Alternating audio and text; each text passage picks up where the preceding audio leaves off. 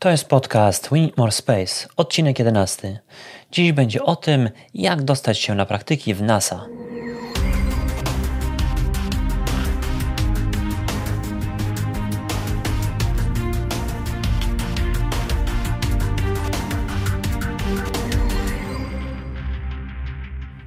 Cześć, witaj w Wind More Space Podcast. Ja nazywam się Radek Grabarek i w tym programie rozmawiam z pasjonatami kosmosu, profesjonalnymi astronomami, inżynierami i naukowcami, którzy robią ciekawe rzeczy związane z kosmosem. Jeśli interesuje Cię astronomia, eksploracja wszechświata i loty w kosmos, ten podcast jest dla Ciebie. Kto nie chciałby pracować w NASA? No chyba wszyscy, a szczególnie pasjonaci kosmosu. Ale czy myślimy o tym poważnie? Chyba nie, bo jest to bardzo trudne, kiedy nie jesteśmy obywatelem USA. Są jednak tacy, dla których nie ma rzeczy niemożliwych. I taką osobą jest Monika Lipińska, która zajmuje się architekturą kosmiczną. Odbyła ona 3 miesiące stażu w NASA Ames Research Center w Kalifornii. Co robiła podczas tego stażu? Jak się tam dostała? Czego nauczyła? O tym jest ten odcinek podcastu More Space. Moja rozmowa z Moniką była na tyle długa i ciekawa, że podzieliłem ją na dwie części. W następnym epizodzie porozmawiamy o architekturze kosmicznej, a dzisiaj praktyki w NASA. Zapraszam. E, cześć Monika, e, witaj w We Need More Space Podcast. E, proszę przedstaw się, powiedz co robisz, czym się zajmujesz. Cześć, nazywam się Monika Lipińska i zajmuję się architekturą kosmiczną. I co to dokładnie oznacza? To oznacza, że projektuję bazy kosmiczne i projektuję przestrzeń. Znaczy, to bardziej w sumie jest praca badawcza niż projektuję, projektuję.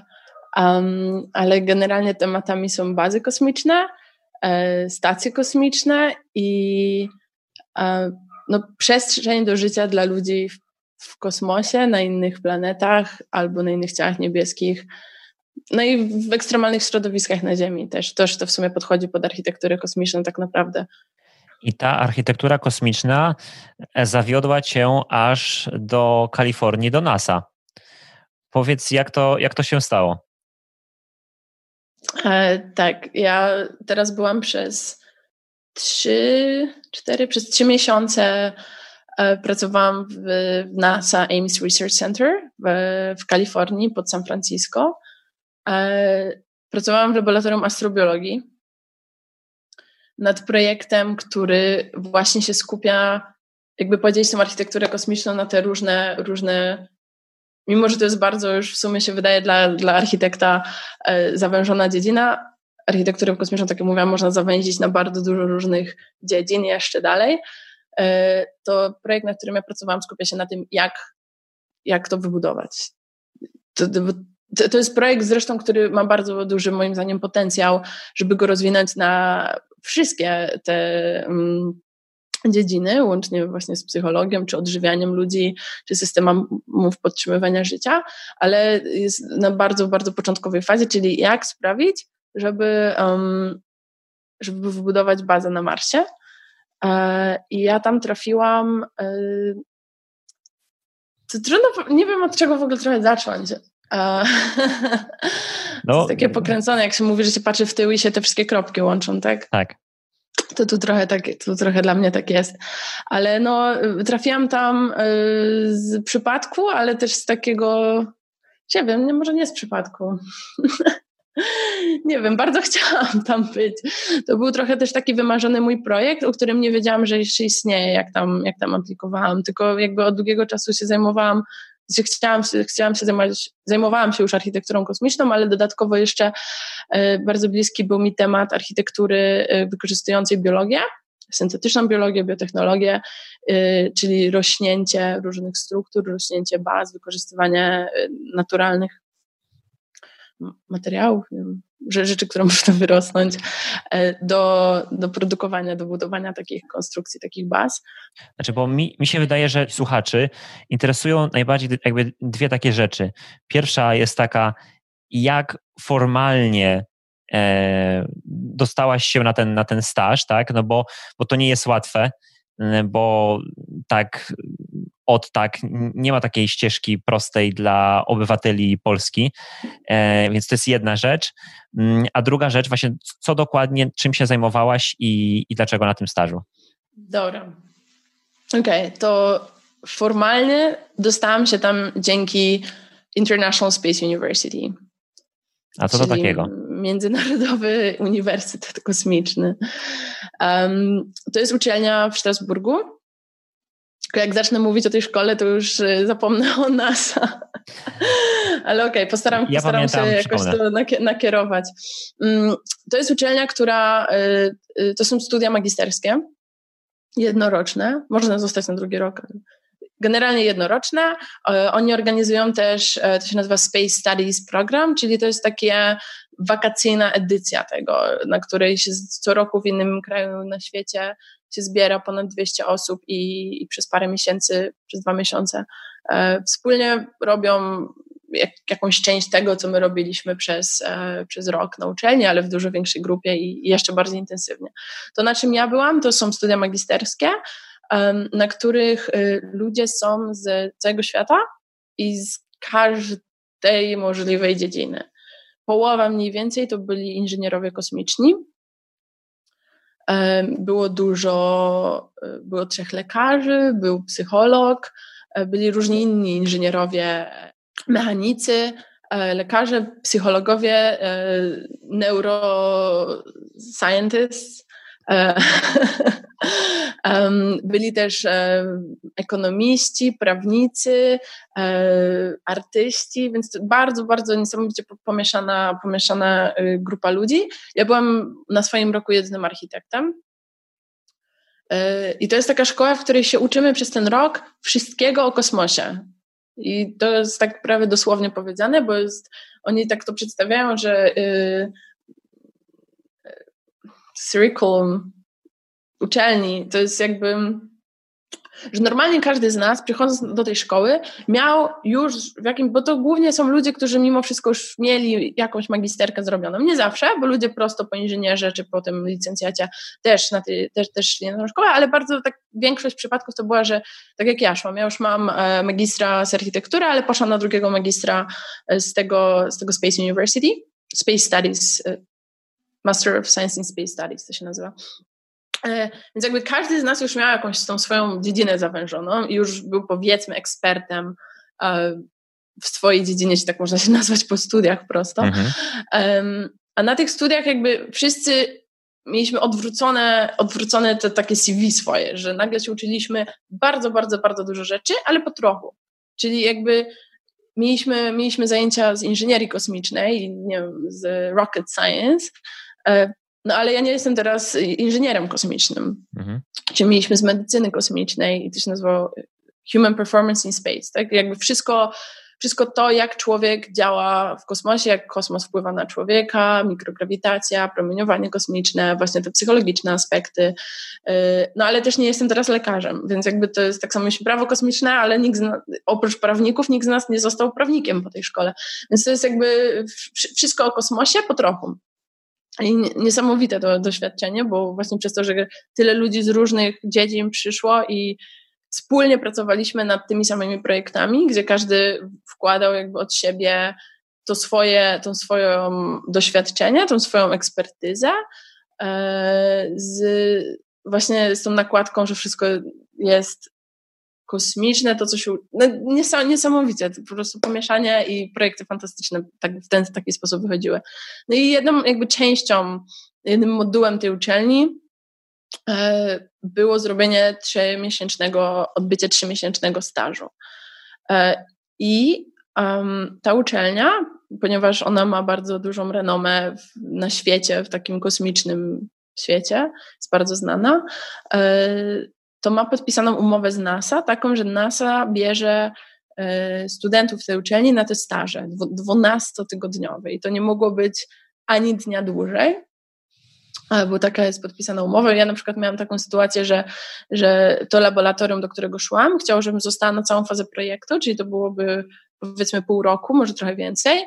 E, I całe NASA Ames jakby NASA Ames się na to zgodziło jako placówka, ale nie mogłam tego zrobić, ponieważ umowa mojej szkoły jest podpisana z NASA w headquarters w Waszyngtonie i jakby nie można, to jest bardzo takie polityczne, no ale niesamowicie w ogóle, że, że to było możliwe, bo normalnie dla Polaka no to nie ma takiej prostej ścieżki, że idę na stronę NASA, patrzę sobie na staże i rekrutuję, bo w momencie, kiedy klikasz nationality, i dajesz, że nie jesteś Amerykaninem, to portal automatycznie cię wyrzuca i to jest tylko dla Amerykaninów, plus tam jeszcze jest kilka programów, na przykład Portugalia ma bardzo duże yy, yy, partnerstwo, nie wiem, ludzie z Portugalii mogą łatwo na staż do NASA, łatwo, łatwo jak łatwo, ale mogą formalnie na staż do NASA przyjść, co zresztą było bardzo widoczne, bo w NASA Ames było bardzo dużo Portugalczyków na stażu.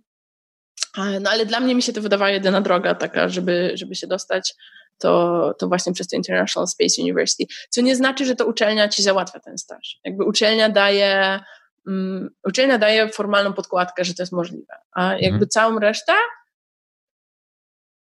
już trzeba sobie samemu nagrać. Chociaż nie do końca, bo tak naprawdę te staże też są tak podzielone, że są staże, to się nazywa open, no, otwarte staże i zamknięte staże. I zamknięte staże to są może inaczej, otwarte staże to są takie, że ja sobie sama aplikuję, nie wiem, do jakichś firm kosmicznych, prywatnych, startupów. Wszystko chyba, co jest prywatne, to są otwarte staże, czyli mogę zaaplikować do kilku jak mnie na kilku przyjmą, to potem to jest moja decyzja, na który idę i odpowiadam niektórym, że tak, a niektórym, że nie. Zamknięte staże to są takie, że e, ze względu na to, żeby nagle 40 osób nie wysyłało maili do NASA z pytaniem, czy mogą na staż, to, to się jakby zgłaszało przez uczelnię, że się, czy jakby była wewnętrzna rekrutacja na uczelni, zgłaszało się przez uczelnię, że chce się iść do NASA, powiedzmy, i wtedy już nie można było aplikować na nic innego. Yy, znaczy, można było aplikować na inne otwarte, ale wszystkim by się trzeba było powiedzieć nie, jeśli by ten zamknięty przyjął. A nie można było aplikować na dwa zamknięte. A dwa, zamknięte to były yy, właśnie głównie agencje narodowe. E, Europejska Agencja Kosmiczna na przykład to zależy. Niektóre programy mieli otwarte, na które się aplikowało normalnie, a niektóre były zamknięte, więc to, więc to zależy. W każdym razie na zamknięte można było aplikować tylko jeden, więc jakby to było wewnętrznie ze szkoły, powiedziałam, że ok, chcę iść do NASA. E, oni jakby indywidualnie z każdym rozmawiali, czy, czy, czy jest taka szansa, czy jakby, jakby wewnętrzna taka rekrutacja w szkole była z, przeprowadzona. No ale potem trzeba było jakby samemu dalej, dalej jakoś to ciągnąć, że jakby ze szkoły można było, szkoła przesyłała maila, chociaż ja też to trochę inaczej zrobiłam, bo ja najpierw już sobie znalazłam laboratorium konkretne, w którym chciałam e, pracować i konkretną osobę, u której chciałam ten staż odbywać, więc to u mnie trochę było inaczej, bo teoretycznie nie, nie można było kontaktować się z nikim z NASA bezpośrednio właśnie przez to, żeby nie było tego napływu maili niesamowicie dużego, a ja już tą osobę poznałam wcześniej, więc u mnie to trochę naokoło poszło. Ale też musiało być jakby przez szkołę i zamknięty staż i tak dalej, tylko na te 12 tygodni. No ale tak, dzięki, dzięki tej szkole tak naprawdę y, to się udało i było możliwe. E, Międzynarodowy y, Uniwersytet Kosmiczny z samej nazwy jest międzynarodowy, ale mieści się w Europie, czyli rozumiem, że mm, dla Polaka dostanie się na tą uczelnię nie jest już takie trudne. Jak to jest? Wydaje mi się, że to nie ma różnicy tak naprawdę, gdzie on się mieści, bo on to jest uczelnia prywatna, więc nawet jeśli ona by się mieściła w Stanach, to wydaje mi się, że ta, ten sposób rekrutacji by się jakoś bardzo nie różnił. E, tam nie potrzeba było żadnych, nie wiem, GRE amerykańskich, mimo że to jest szkoła amerykańska. Co potrzeba, żeby się tam dostać? Tak naprawdę, nie wiem, dobry list motywacyjny, tak mi się wydaje, że to chyba byłoby najważniejsze. Wiem, że oni mieli w planach, nie wiem, czy to od przyszłego roku wprowadzą, czy nie, ale mieli w planach e, rozmowy kwalifikacyjne przeprowadzać. Jak ja, jak ja tam składałam papiery, to jeszcze tego nie było. Więc tak naprawdę ja chyba przesyłam, no ja jestem architektem, więc ja to zawsze mam swoje portfolio, które prześlę i ono wydaje mi się, że dużo mówi e, rzeczy, których dzięki temu nie muszę, nie wiem, w tym liście pisać się skupić na jakichś innych. Um, ale tak, no wydaje mi się, że tyle, no bo raz, że tam i właśnie po magisterce i po bachelorze ludzie byli, więc nie było chyba jakiegoś um, jakiegoś progu ocen, czy tego GP, GPI, GPA. Um, Wydaje mi się, że list motywacyjny tak naprawdę, mhm. żeby właśnie pokazać, dlaczego chce się tam być. No i wiadomo, że jak ma się słabe zupełnie oceny, no to może by na to zwrócili uwagę, e, ale tak mi się wydaje, że to jest najważniejsze. No bo właśnie przez to, że to jest tak bardzo zróżnicowane, no to nie ma jakiegoś egzaminu wstępnego, no bo trudno porównać inżyniera z lekarzem, czy z psychologiem i z prawnikiem. Więc to chyba właśnie ta taka motyw, ten taki drive, dlaczego chce się tam przyjść, bo, bo to faktycznie było bardzo widoczne na tej uczelni, że to są ludzie, e, no nie wiem, często w, w Polsce, czy, no, czy w ogóle za granicą jest trochę tak, że, no, że czasem że ludzie czasem są na studiach e, żeby, po to, żeby zrobić te studia. Mhm. Żeby, że już, żeby już je skończyć i żeby był papier i, i um, nie mówię, że to jest złe, no bo jakby po to są studia, żeby mieć ten papier, ale na tych studiach faktycznie było bardzo widoczne to, że ludzie nie są tam po to, bo potrzebują mieć ten papier tych studiów. No bo ja też tam poszłam i no, nie potrzebuję mieć Master of Science in Space Studies. To, jakby to, to nie jest coś, co ja potrzebuję do jakiegoś kolejnej ścieżki kariery i to było potrzebne, żeby się gdzieś dostać dalej i tak dalej. To jakby ludzie tam są, bo chcą tam być. I to, to naprawdę widać, że jakby oni chcą ten rok spędzić na tej uczelni z taką grupą ludzi, robiąc niesamowite. To, to jest tak, na, nie, my sobie żartowaliśmy, że to jest e, taki Space Hogwarts.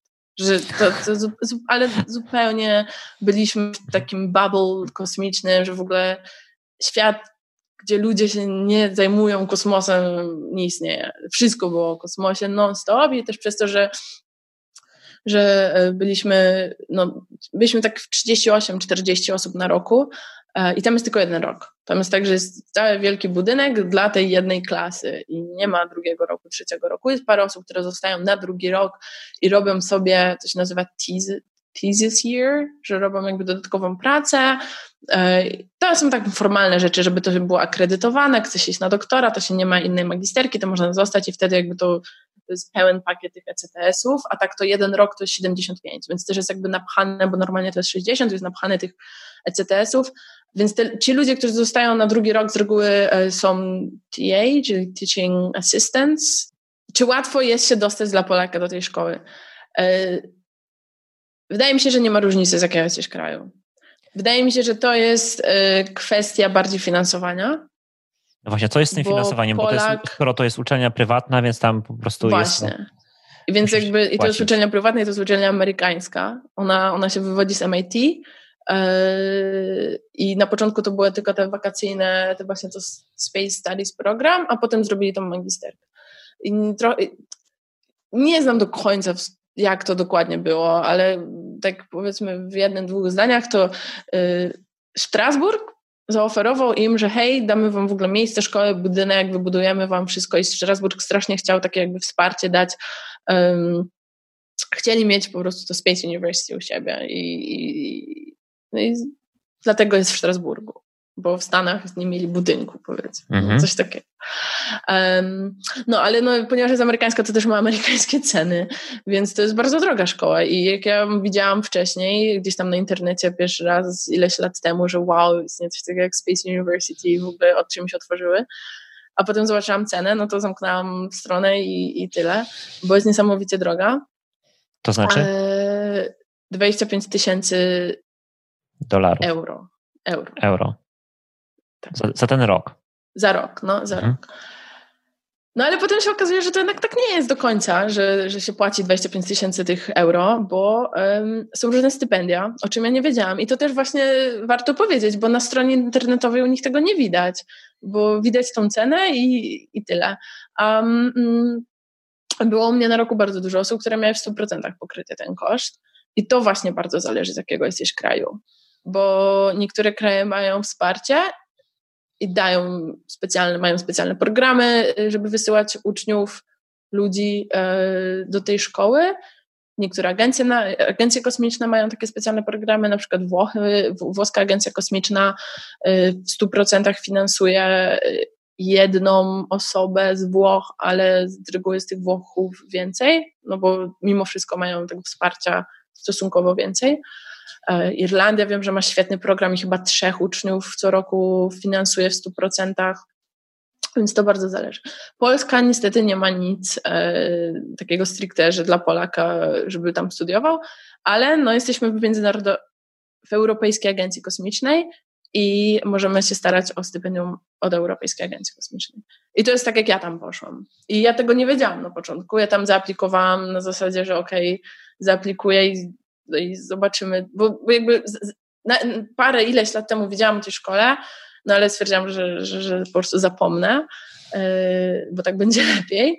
A potem dużo osób, które poznałam w międzyczasie mi tą szkołę zaczęły polecać, że swoją drogą między innymi e, osobą, której pracowałam w NASA, jako pierwsza mi o tej szkole wspomniała, że coś takiego istnieje i że może warto tam pójść.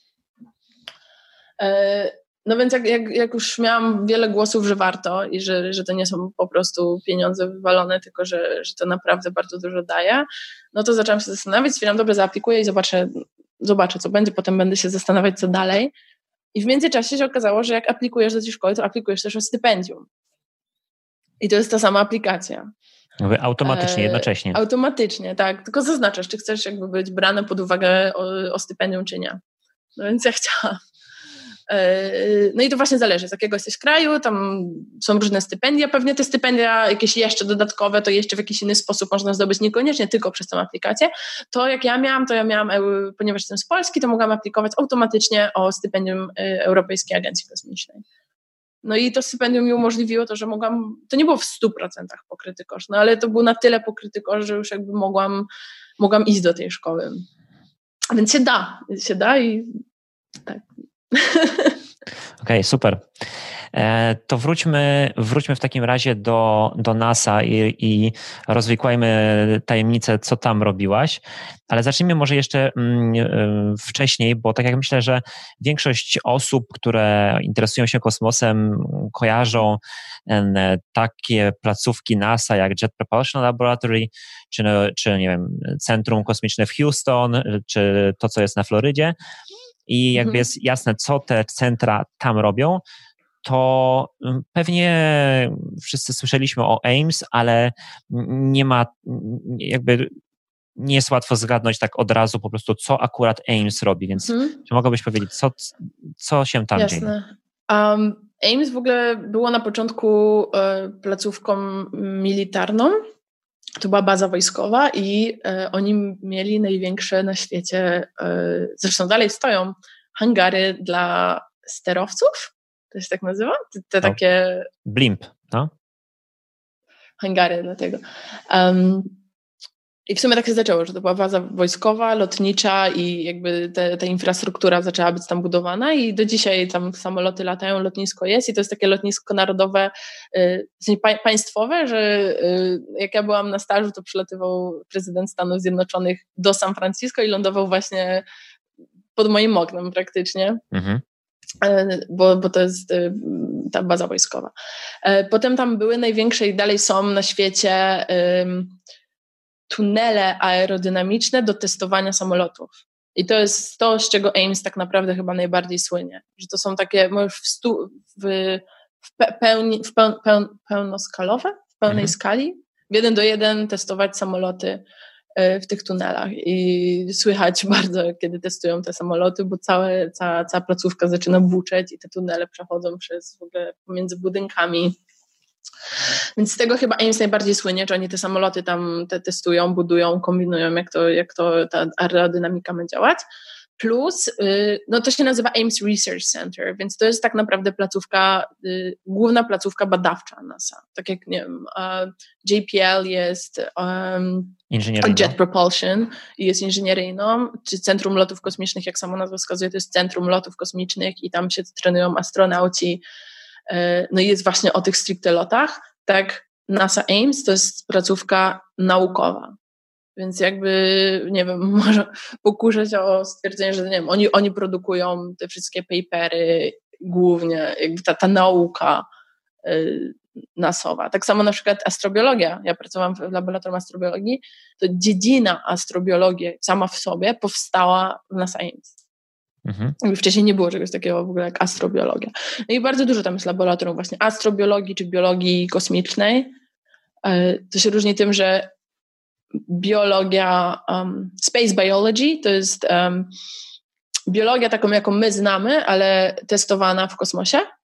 Czyli na przykład e, no, różne eksperymenty, na przykład na Międzynarodowej Stacji Kosmicznej, które e, się zajmują biologią, to jest space biology, a astrobiology to jest e, najogólniej i, i na, taka naj, najbardziej um, ciekawa, powiedzmy, tego dziedzina, no to jest szukanie życia na innych planetach. A powiedz, to co Cię najbardziej zaskoczyło na tym e, stażu w NASA? Zarówno pozytywnie, jak i negatywnie, jeśli były jakieś takie negatywne zaskoczenia? Zaskoczyło, co? Zaskoczyło mnie to, też to może takie trochę banalne, ale zaskoczyło mnie to, że jak już tam byłam i wszędzie były to logo NASA i wszystko, i już miałam przepustkę, bo to też jakby trochę trwało, zanim ja mogłam do tego NASA wejść za płot, tam gdzie już nie wszyscy mogli. I jak już miałam tą przepustkę, mogłam tam być, to zaskoczyło mnie to, że, że tam jestem. I że to w ogóle się udało i że to jest możliwe, że to nie jest, że to nie jest coś takiego, że że wow, NASA w ogóle, tylko nagle tam jesteś i są ludzie i sobie z nimi gadasz i sobie jesz lunch i gadacie sobie o szukaniu życia w kosmosie i na Marsie i, i o budowaniu baz kosmicznych. I jakby to jest takie, okej, okay, to ludzie robią. To było chyba, nie wiem, zaskoczenie.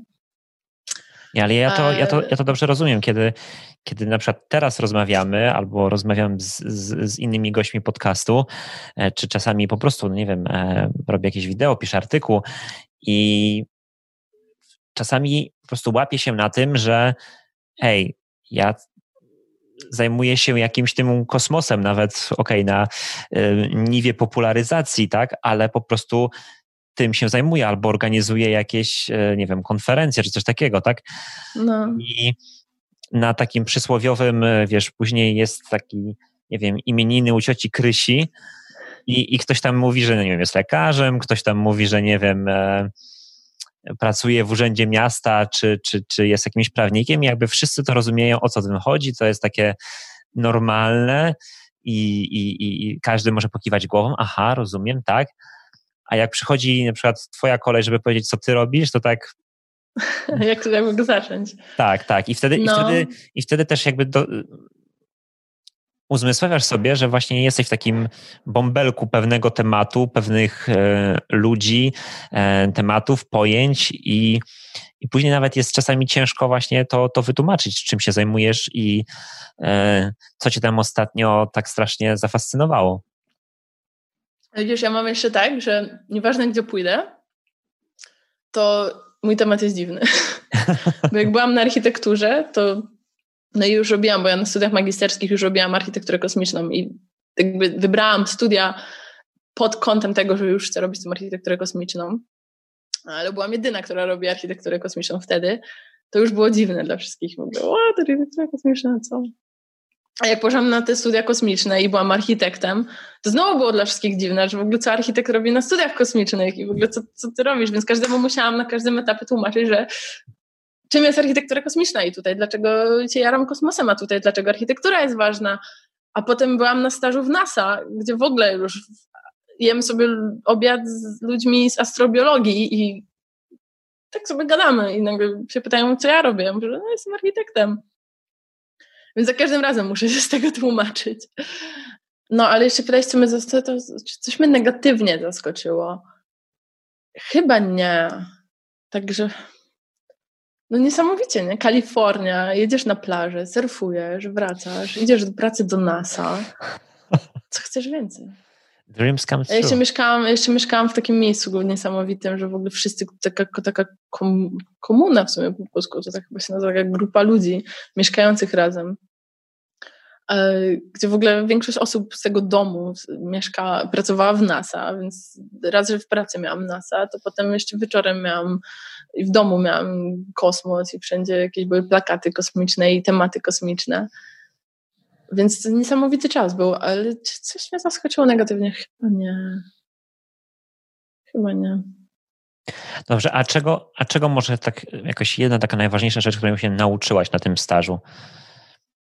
Może to dotyczyć Twojej dziedziny, ale może też dotyczyć, nie wiem, ogólnie. Mm, Chyba znowu będzie taka miękka umiejętność. To nie jest tak, że się nauczyłam. Okej, okay, okej, okay, nauczyłam, sorry, nauczyłam się pracować w laboratorium biologicznym, czego nigdy w życiu wcześniej nie robiłam. Może na, nie wiem, w gimnazjum na zajęciach z chemii.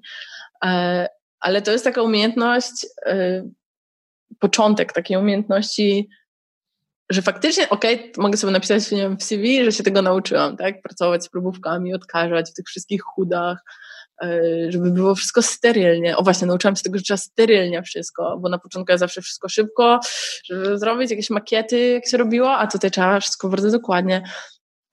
Tego, że na przykład jak robię model, i coś chcę testować, to nie mogę sobie zrobić 10 modeli i sprawdzić, czy działają, tylko muszę zrobić 10 modeli, poczekać tydzień, zobaczyć, czy coś wyrośnie. I w międzyczasie zrobić coś innego. I jak wyrośnie, to przeanalizować, dlaczego tak wyrosło i tak dalej. Więc jakby zupełnie, zupełnie inne podejście do pracy i tego się nauczyłam tam. Czyli jakby miałam taką pierwszy wgląd, jak, jak to w ogóle działa i jak to robić.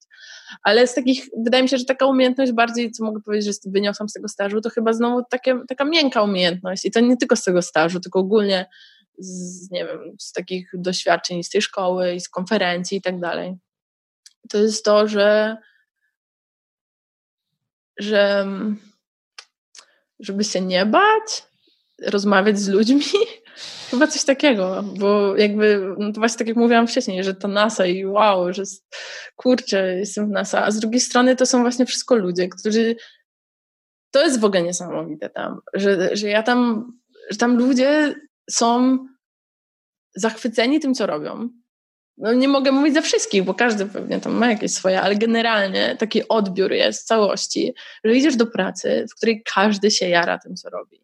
I oni nie potrzebują nic, bo robią rakiety i szukają życia i eksperymenty na Międzynarodowej Stacji Kosmicznej, jakby co chcieć, co, co chcieć więcej, no nie? I to są faktycznie ludzie mega zajarani tym, co robią i, i, i to widać. I jak jesteś taki, otoczony takimi ludźmi, to nagle się okazuje, że to, jest, to są super ludzie i bardzo łatwo się z nimi rozmawia i się nawiązuje znajomości i przyjaźnie. I jakby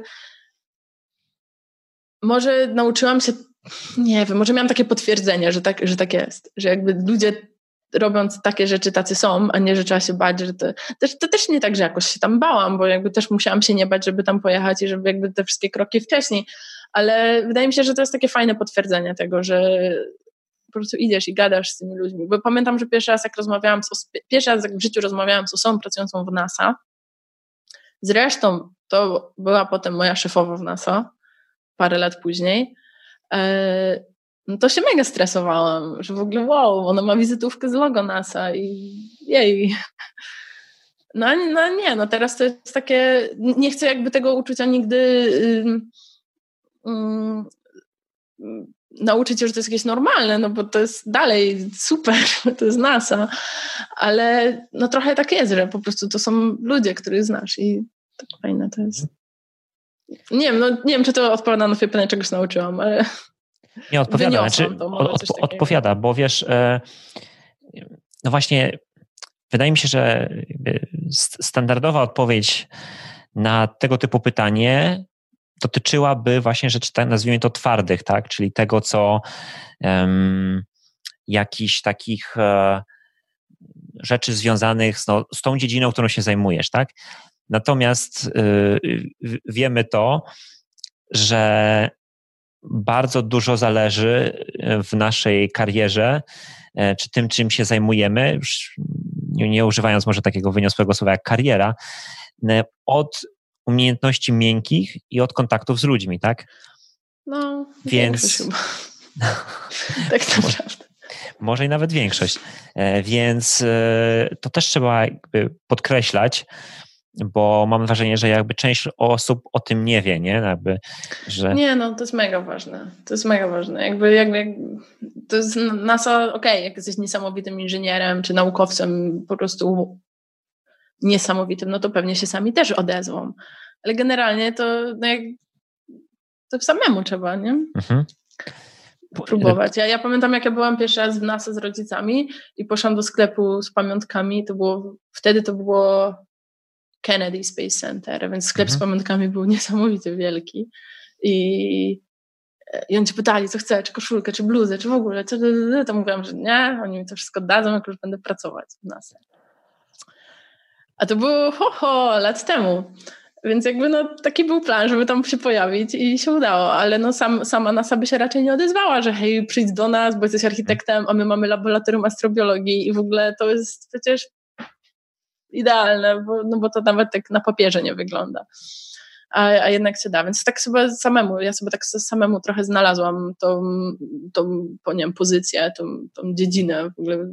Nawet, nawet w tej szkole mojej, która jest taka um, no, z założenia międzynarodowa, międzydziedzinowa, y, interdyscyplinary, międzydyscyplinarna, to i tak jakby raz było no, trochę dziwne, że jestem architektem, ale to bardziej dla ludzi, um, dla uczniów niż dla nauczycieli, bo hmm. nie byłam pierwszym architektem w tej szkole, tylko byłam jedynym na roku, ale nie byłam pierwszym. Teraz zresztą w tym roku jest trzech.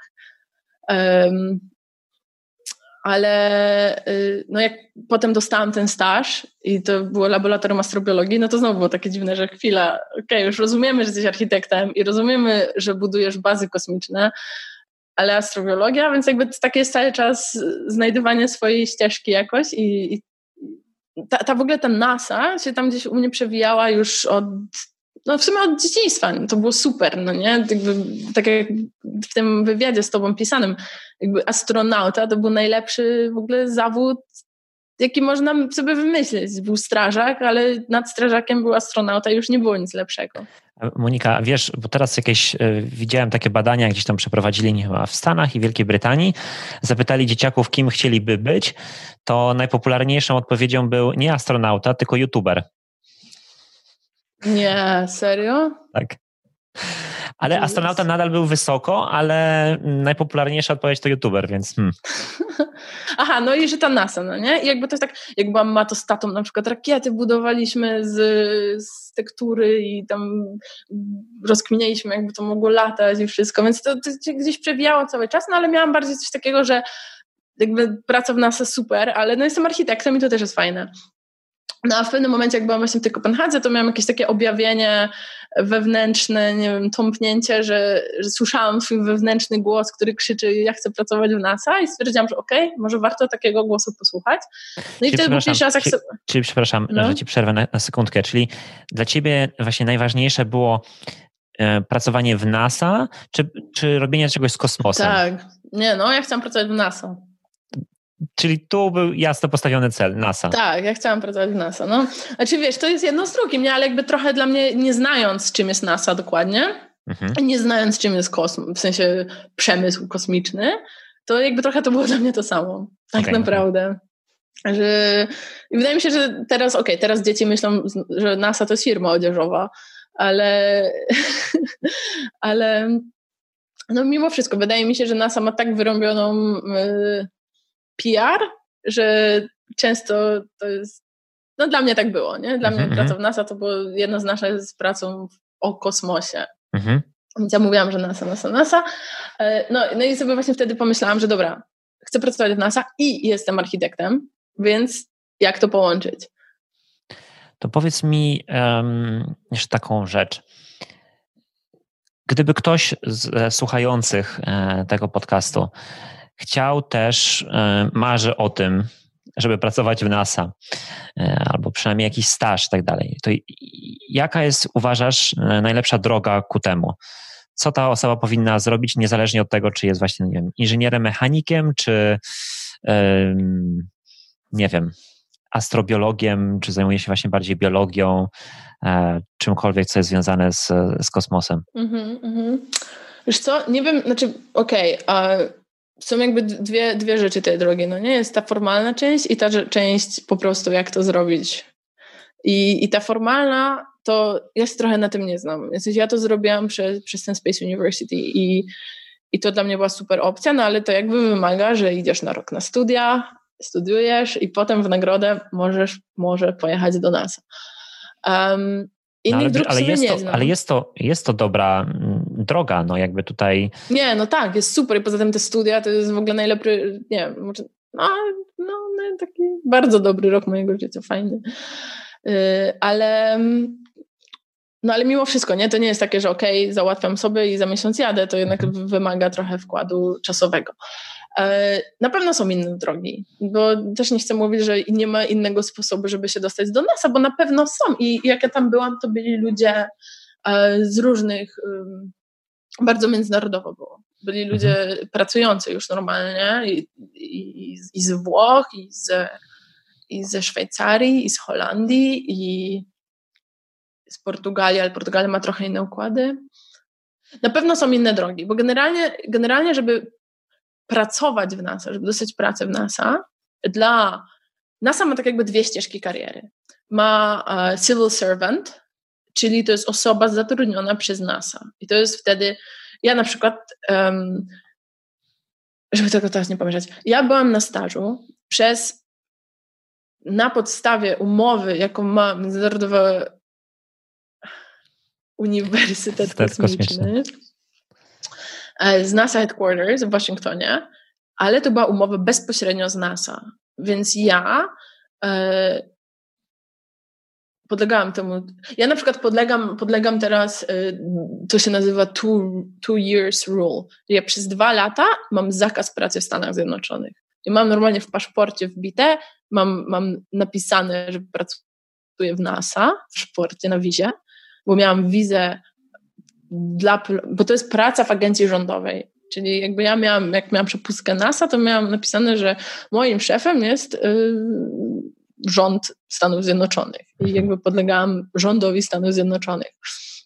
A więc pracowałam, mimo, mimo tego, że jestem e, nie Amerykaninem, to pracowałam trochę tak, jakby to przełożyć na pracę, już tak nie staż, tylko pracę jak civil servant. I to są ludzie, którzy są zatrudnieni przez rząd tam przez NASA, oni są zatrudnieni bezpośrednio przez NASA.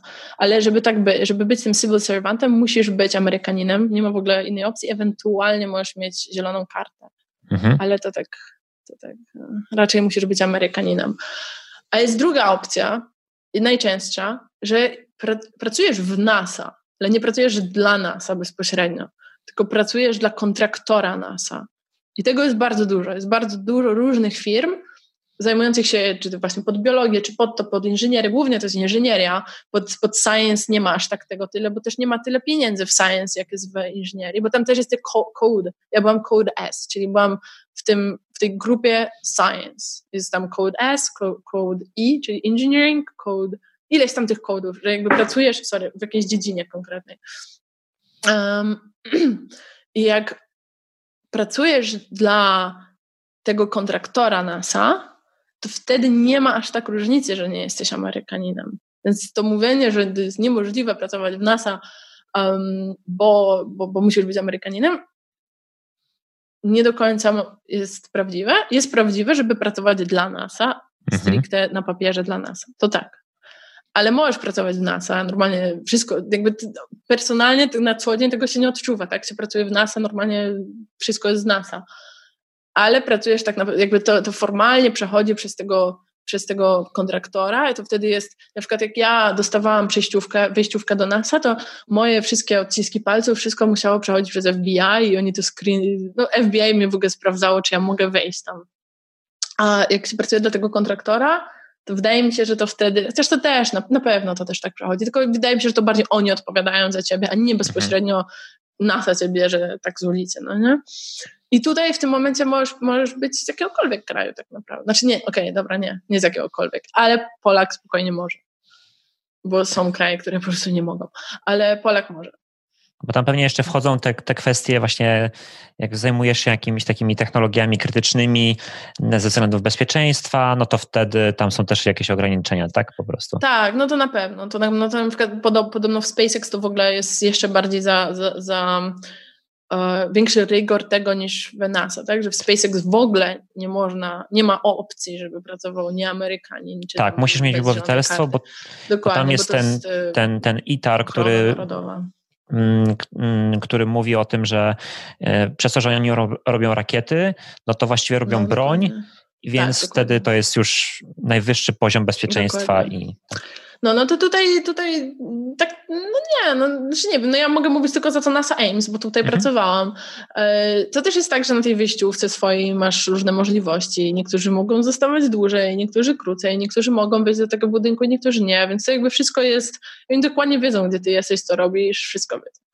E, ale, no więc właśnie, więc jeśli Polak chce pracować w NASA, i to może to teoretycznie nie, nie robić staż, tylko pracować mhm. normalnie, to może to teoretycznie zrobić przez kontraktora. Mhm. To jest jakby ta formalna część. A teraz jak to zrobić? To jest druga część. Jak to zrobić? Bo mówili, żebym dała radę. Jak to zrobić? Poznać ludzi.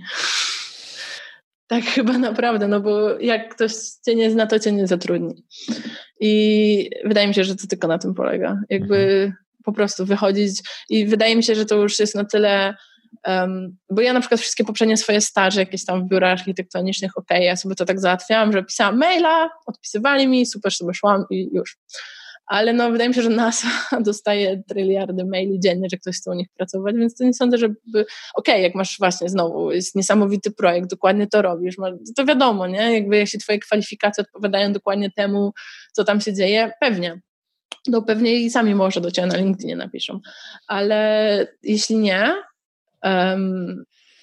to chyba trzeba po prostu poznać kogoś, kto, kto pozna kogoś innego i kto pozna jeszcze kogoś innego i powie, ej, ten ziomek jest spoko, zatrudnijmy go. Tak mi się wydaje, tak, tak, tak naprawdę. I to nie chodzi o jakieś robienie kontaktów, e, że pojedziesz gdzieś specjalnie, żeby z kimś, to nie o to chodzi, bo jakby to też widać, jak ktoś robi te kontakty, żeby się dostać do nas. Bardziej chodzi o to, że, że jeśli jesteś w tym świecie i poznajesz ludzi, bo po prostu to zaczyna być też twój świat i, i to robisz i gadasz z tymi ludźmi, bo, bo oni robią coś, co cię jara i ty też chcesz to robić i chcesz się coś dowiedzieć i coś, to jakby to, natur, to, to bardzo naturalnie wychodzi, że nagle tych ludzi poznajesz, bo takie po prostu, że pójdę pogadać z tą osobą, bo ona mi da pracę, no wiadomo, że jakby no, mhm. to nie o to chodzi, nie?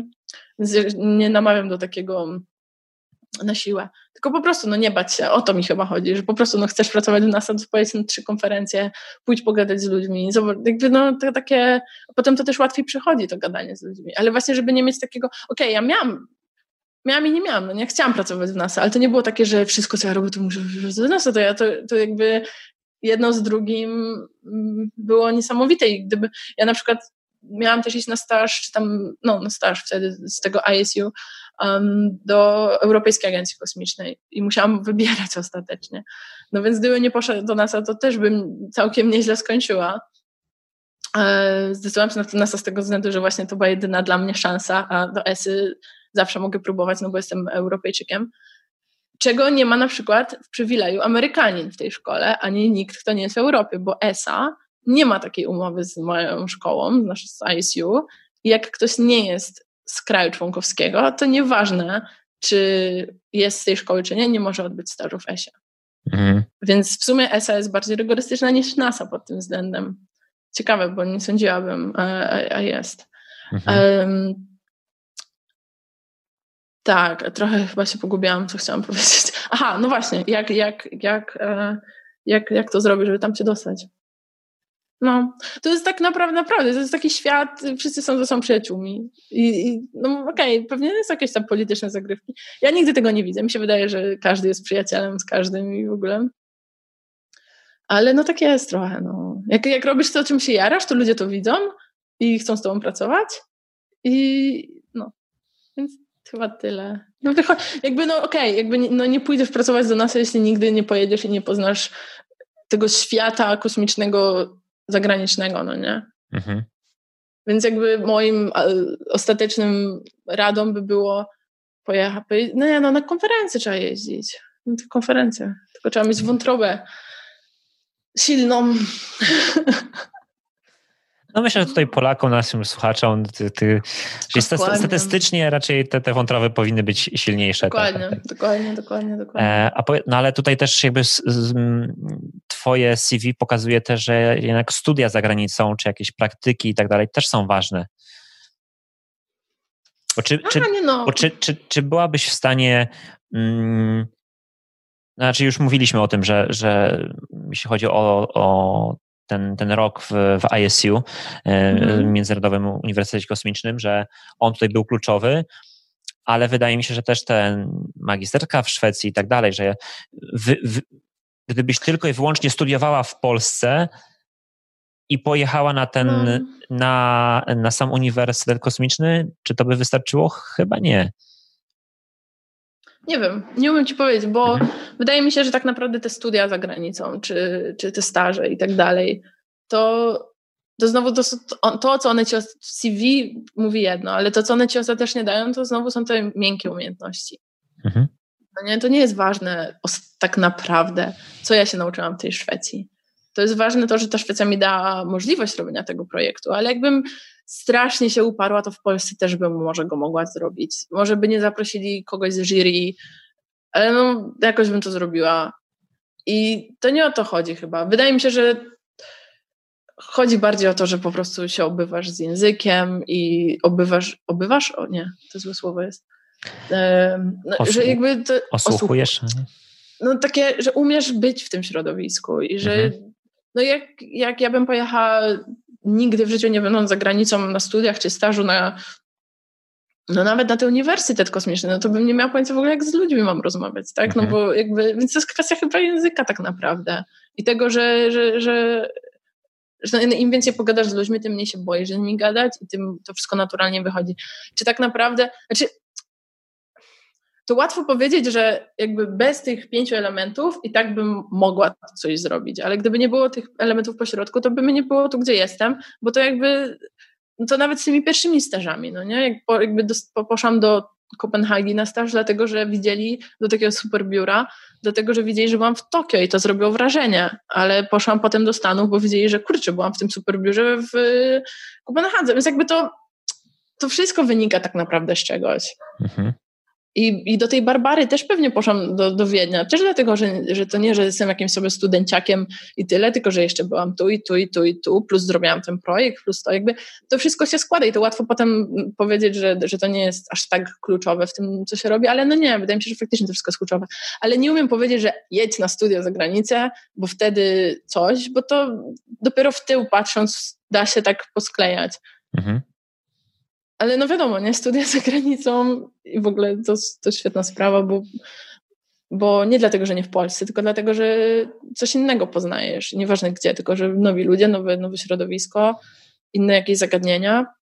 I to mi się wydaje, że nieważne, gdzie to cię zaprowadzi, to zawsze to jest um, wartościowe. No to powiedz teraz, y, czym dokładnie się zajmowałaś e, podczas swojego stażu? Więc ja pracowałam w laboratorium astrobiologii, ale nie w poszukiwaniu życia, tylko piętro wyżej było poszukiwanie życia na Marsie. um, ale ja pracowałam takim projektem, który się nazywa Microarchitecture, czyli e, to zresztą na Ziemi też się teraz bardzo rozwija, to jest taki temat bardzo głośny e, w architekturze takiej eksperymentalnej, czyli rośnięcie struktur, rośnięcie, czyli używanie e, mycelium, po polsku to się nazywa grzybnia, dlatego wolę używać angielskiej nazwy. Um, używanie mycelium to jest tak, jak masz grzyb, takie jak znamy grzyba, to, to jakby go porównać do drzewa, to jest jabłko. A to całe drzewo z korzeniami, z tym całym drewnem, to jest mycelium. Czyli tak. I to jest to, co jest, to jest ta grzybnia, dokładnie. To jest to wszystko, co jest pod ziemią. I to w ogóle jest niesamowity, niesamowity materiał, który tak naprawdę w ogóle mówi się o takim mycelium network, że to jest taki internet natury, że to jest wszystko połączone. Gdzie nie wyjdziesz na dwór, jak postawisz nogę na ziemi, to depczesz tak naprawdę po tych mycelium, bo one są wszędzie i oplatają cały świat. A niesamowicie szybko rosną. Przekazują sobie informacje i drzewa, i rośliny, i to wszystko idzie po tych mycelium, i to w ogóle wygląda jak neuro, sieci neuronowe niesamowity, niesamowity materiał. No i on działa tak, że e, jak mu dasz um, coś organicznego, na przykład, nie wiem, jakieś wióry, kawę, y, siano, coś organicznego, na czym to może rosnąć, to on zaczyna rozwalać enzymy tego czegoś i jakby zaczyna to trawić w taki sposób, że to wszystko jakby ze sobą łączy i, i zlepia, zlepia ze sobą. E, I um, i to się, no niesamowite materiały z tego można tworzyć, bo mają właściwości lepsze niż, lepsze niż stal, mocniejsze niż y, i mocne na zginanie i na rozciąganie i y, bardzo odporne na, na ogień i bardzo wytrzymałe, więc, więc niesamowite właściwości takie stricte konstrukcyjne można z tego, y, można tym materiałem osiągać. Mm, no więc pojawił się pomysł, żeby zrobić taki projekt, żeby wykorzystać ten materiał, czyli materiał, to mycelium. I to jest jakby trochę trzeci, trzecie podejście do architektury kosmicznej, bo dwa pierwsze, pierwsze powiedzmy, jakie było, to jest wszystko bierzemy ze sobą z Ziemi. Bierzemy, czyli tak jak mówiłam na samym początku, że bierzemy ze sobą yy, moduł, który nam zapewnia przeżycie, dajemy go na powierzchnię Księżyca czy Marsa i okej. Okay. Ale to jest niesamowicie kosztowne i niesamowicie zabiera dużo miejsca. No więc pojawiło się drugie podejście, e, żeby to się nazywa in situ resource utilization, czyli żeby wykorzystać to, co tam znajdziemy na Księżycu czy na Marsie, czy gdziekolwiek byśmy chcieli wybudować taką bazę i w jakiś sposób to przetworzyć, żeby z tego wybudować. Tak? Czyli nie bierzemy ze sobą aż tyle materiałów, bo na przykład korzystamy z regolitu księżycowego, czyli z tego, z tego piasku na księżycu. E, w jakiś sposób go przetwarzamy i budujemy z tego bazę. E, czyli też takie podejście w sumie jak na Ziemi na początku było, że wykorzystywanie tych naturalnych, lokalnych e, materiałów ale do tego trzeba bardzo dużo y, z reguły przygotowań takich infrastrukturalnych, czyli wziąć, trzeba, trzeba bardzo dużo robotów, y, ro, łaziki, które by zebrały ten regolit, maszyny, nie wiem, powiedzmy, żeby zrobić um, spiekanie tego regolitu i zrobić z niego cegły, to trzeba maszyny do tego spiekania, potem maszyny do tego układania, może to mógłby być jeden robot, ale mimo wszystko jakby, no, jak sobie wyobrazimy skalę budynku czy bazy, no to tego trzeba dużo zabrać i to też bardzo dużo waży. Więc to podejście, na którym ja pracowałam w Ames, to można powiedzieć, że to jest takie trzecie podejście, czyli bierzesz ze sobą mało i to zaczyna po prostu tam rosnąć i nagle jest tego dużo. I w takim naj, naj, największym uproszczeniu założenie było takie, że bierzemy ze sobą powiedzmy taką torbę, um, taki, nie wiem, namiot, torbę, która w środku ma trochę tego mycelium, i jakiejś pożywki i jeszcze czegoś, żeby jakby tego strukturalnego materiału, ale nie za dużo, żeby to nie było za ciężkie. Dodajemy do tego wodę, która jest na Marsie, bo akurat nie ten projekt, na którym ja pracowałam w tamtej fazie był e, projektem pod Mars. Teraz coś trochę zmieniło, bo teraz NASA wszystko kieruje na Księżyc, więc ten projekt też teraz robimy na Księżyc. Mhm. E, no ale wtedy było pod Mars, pod Marsa, e, więc dodajesz do tego wodę, która tam jest, masz światło słoneczne. E, aha, i, to, i tą pożywką najidealniej w ogóle jeszcze były cyanobakteria, czyli bakterie, które, um, które wytwarzają swoją e, jedzenie dla siebie za pomocą fotosyntezy, czyli potrzebują dwutlenek węgla, wodę i światło słoneczne. A dwutlenek węgla w atmosferze Marsa też jest, e, więc w takim największym uproszczeniu po prostu tam przywozimy tą torbę, dodajemy wodę, te bakterie zaczynają tworzyć tą pożywkę dla siebie, a mycelium zjada te bakterie i to wszystko zaczyna nam rosnąć, rosnąć, rosnąć, rosnąć, rosnąć i mamy bazę. Więc jakby jedynym, jedynym takim rzeczą, do którego potrzebowaliśmy, potrzebowalibyśmy tego e, jakiegoś robota, to żeby jakoś tą wodę tak wy,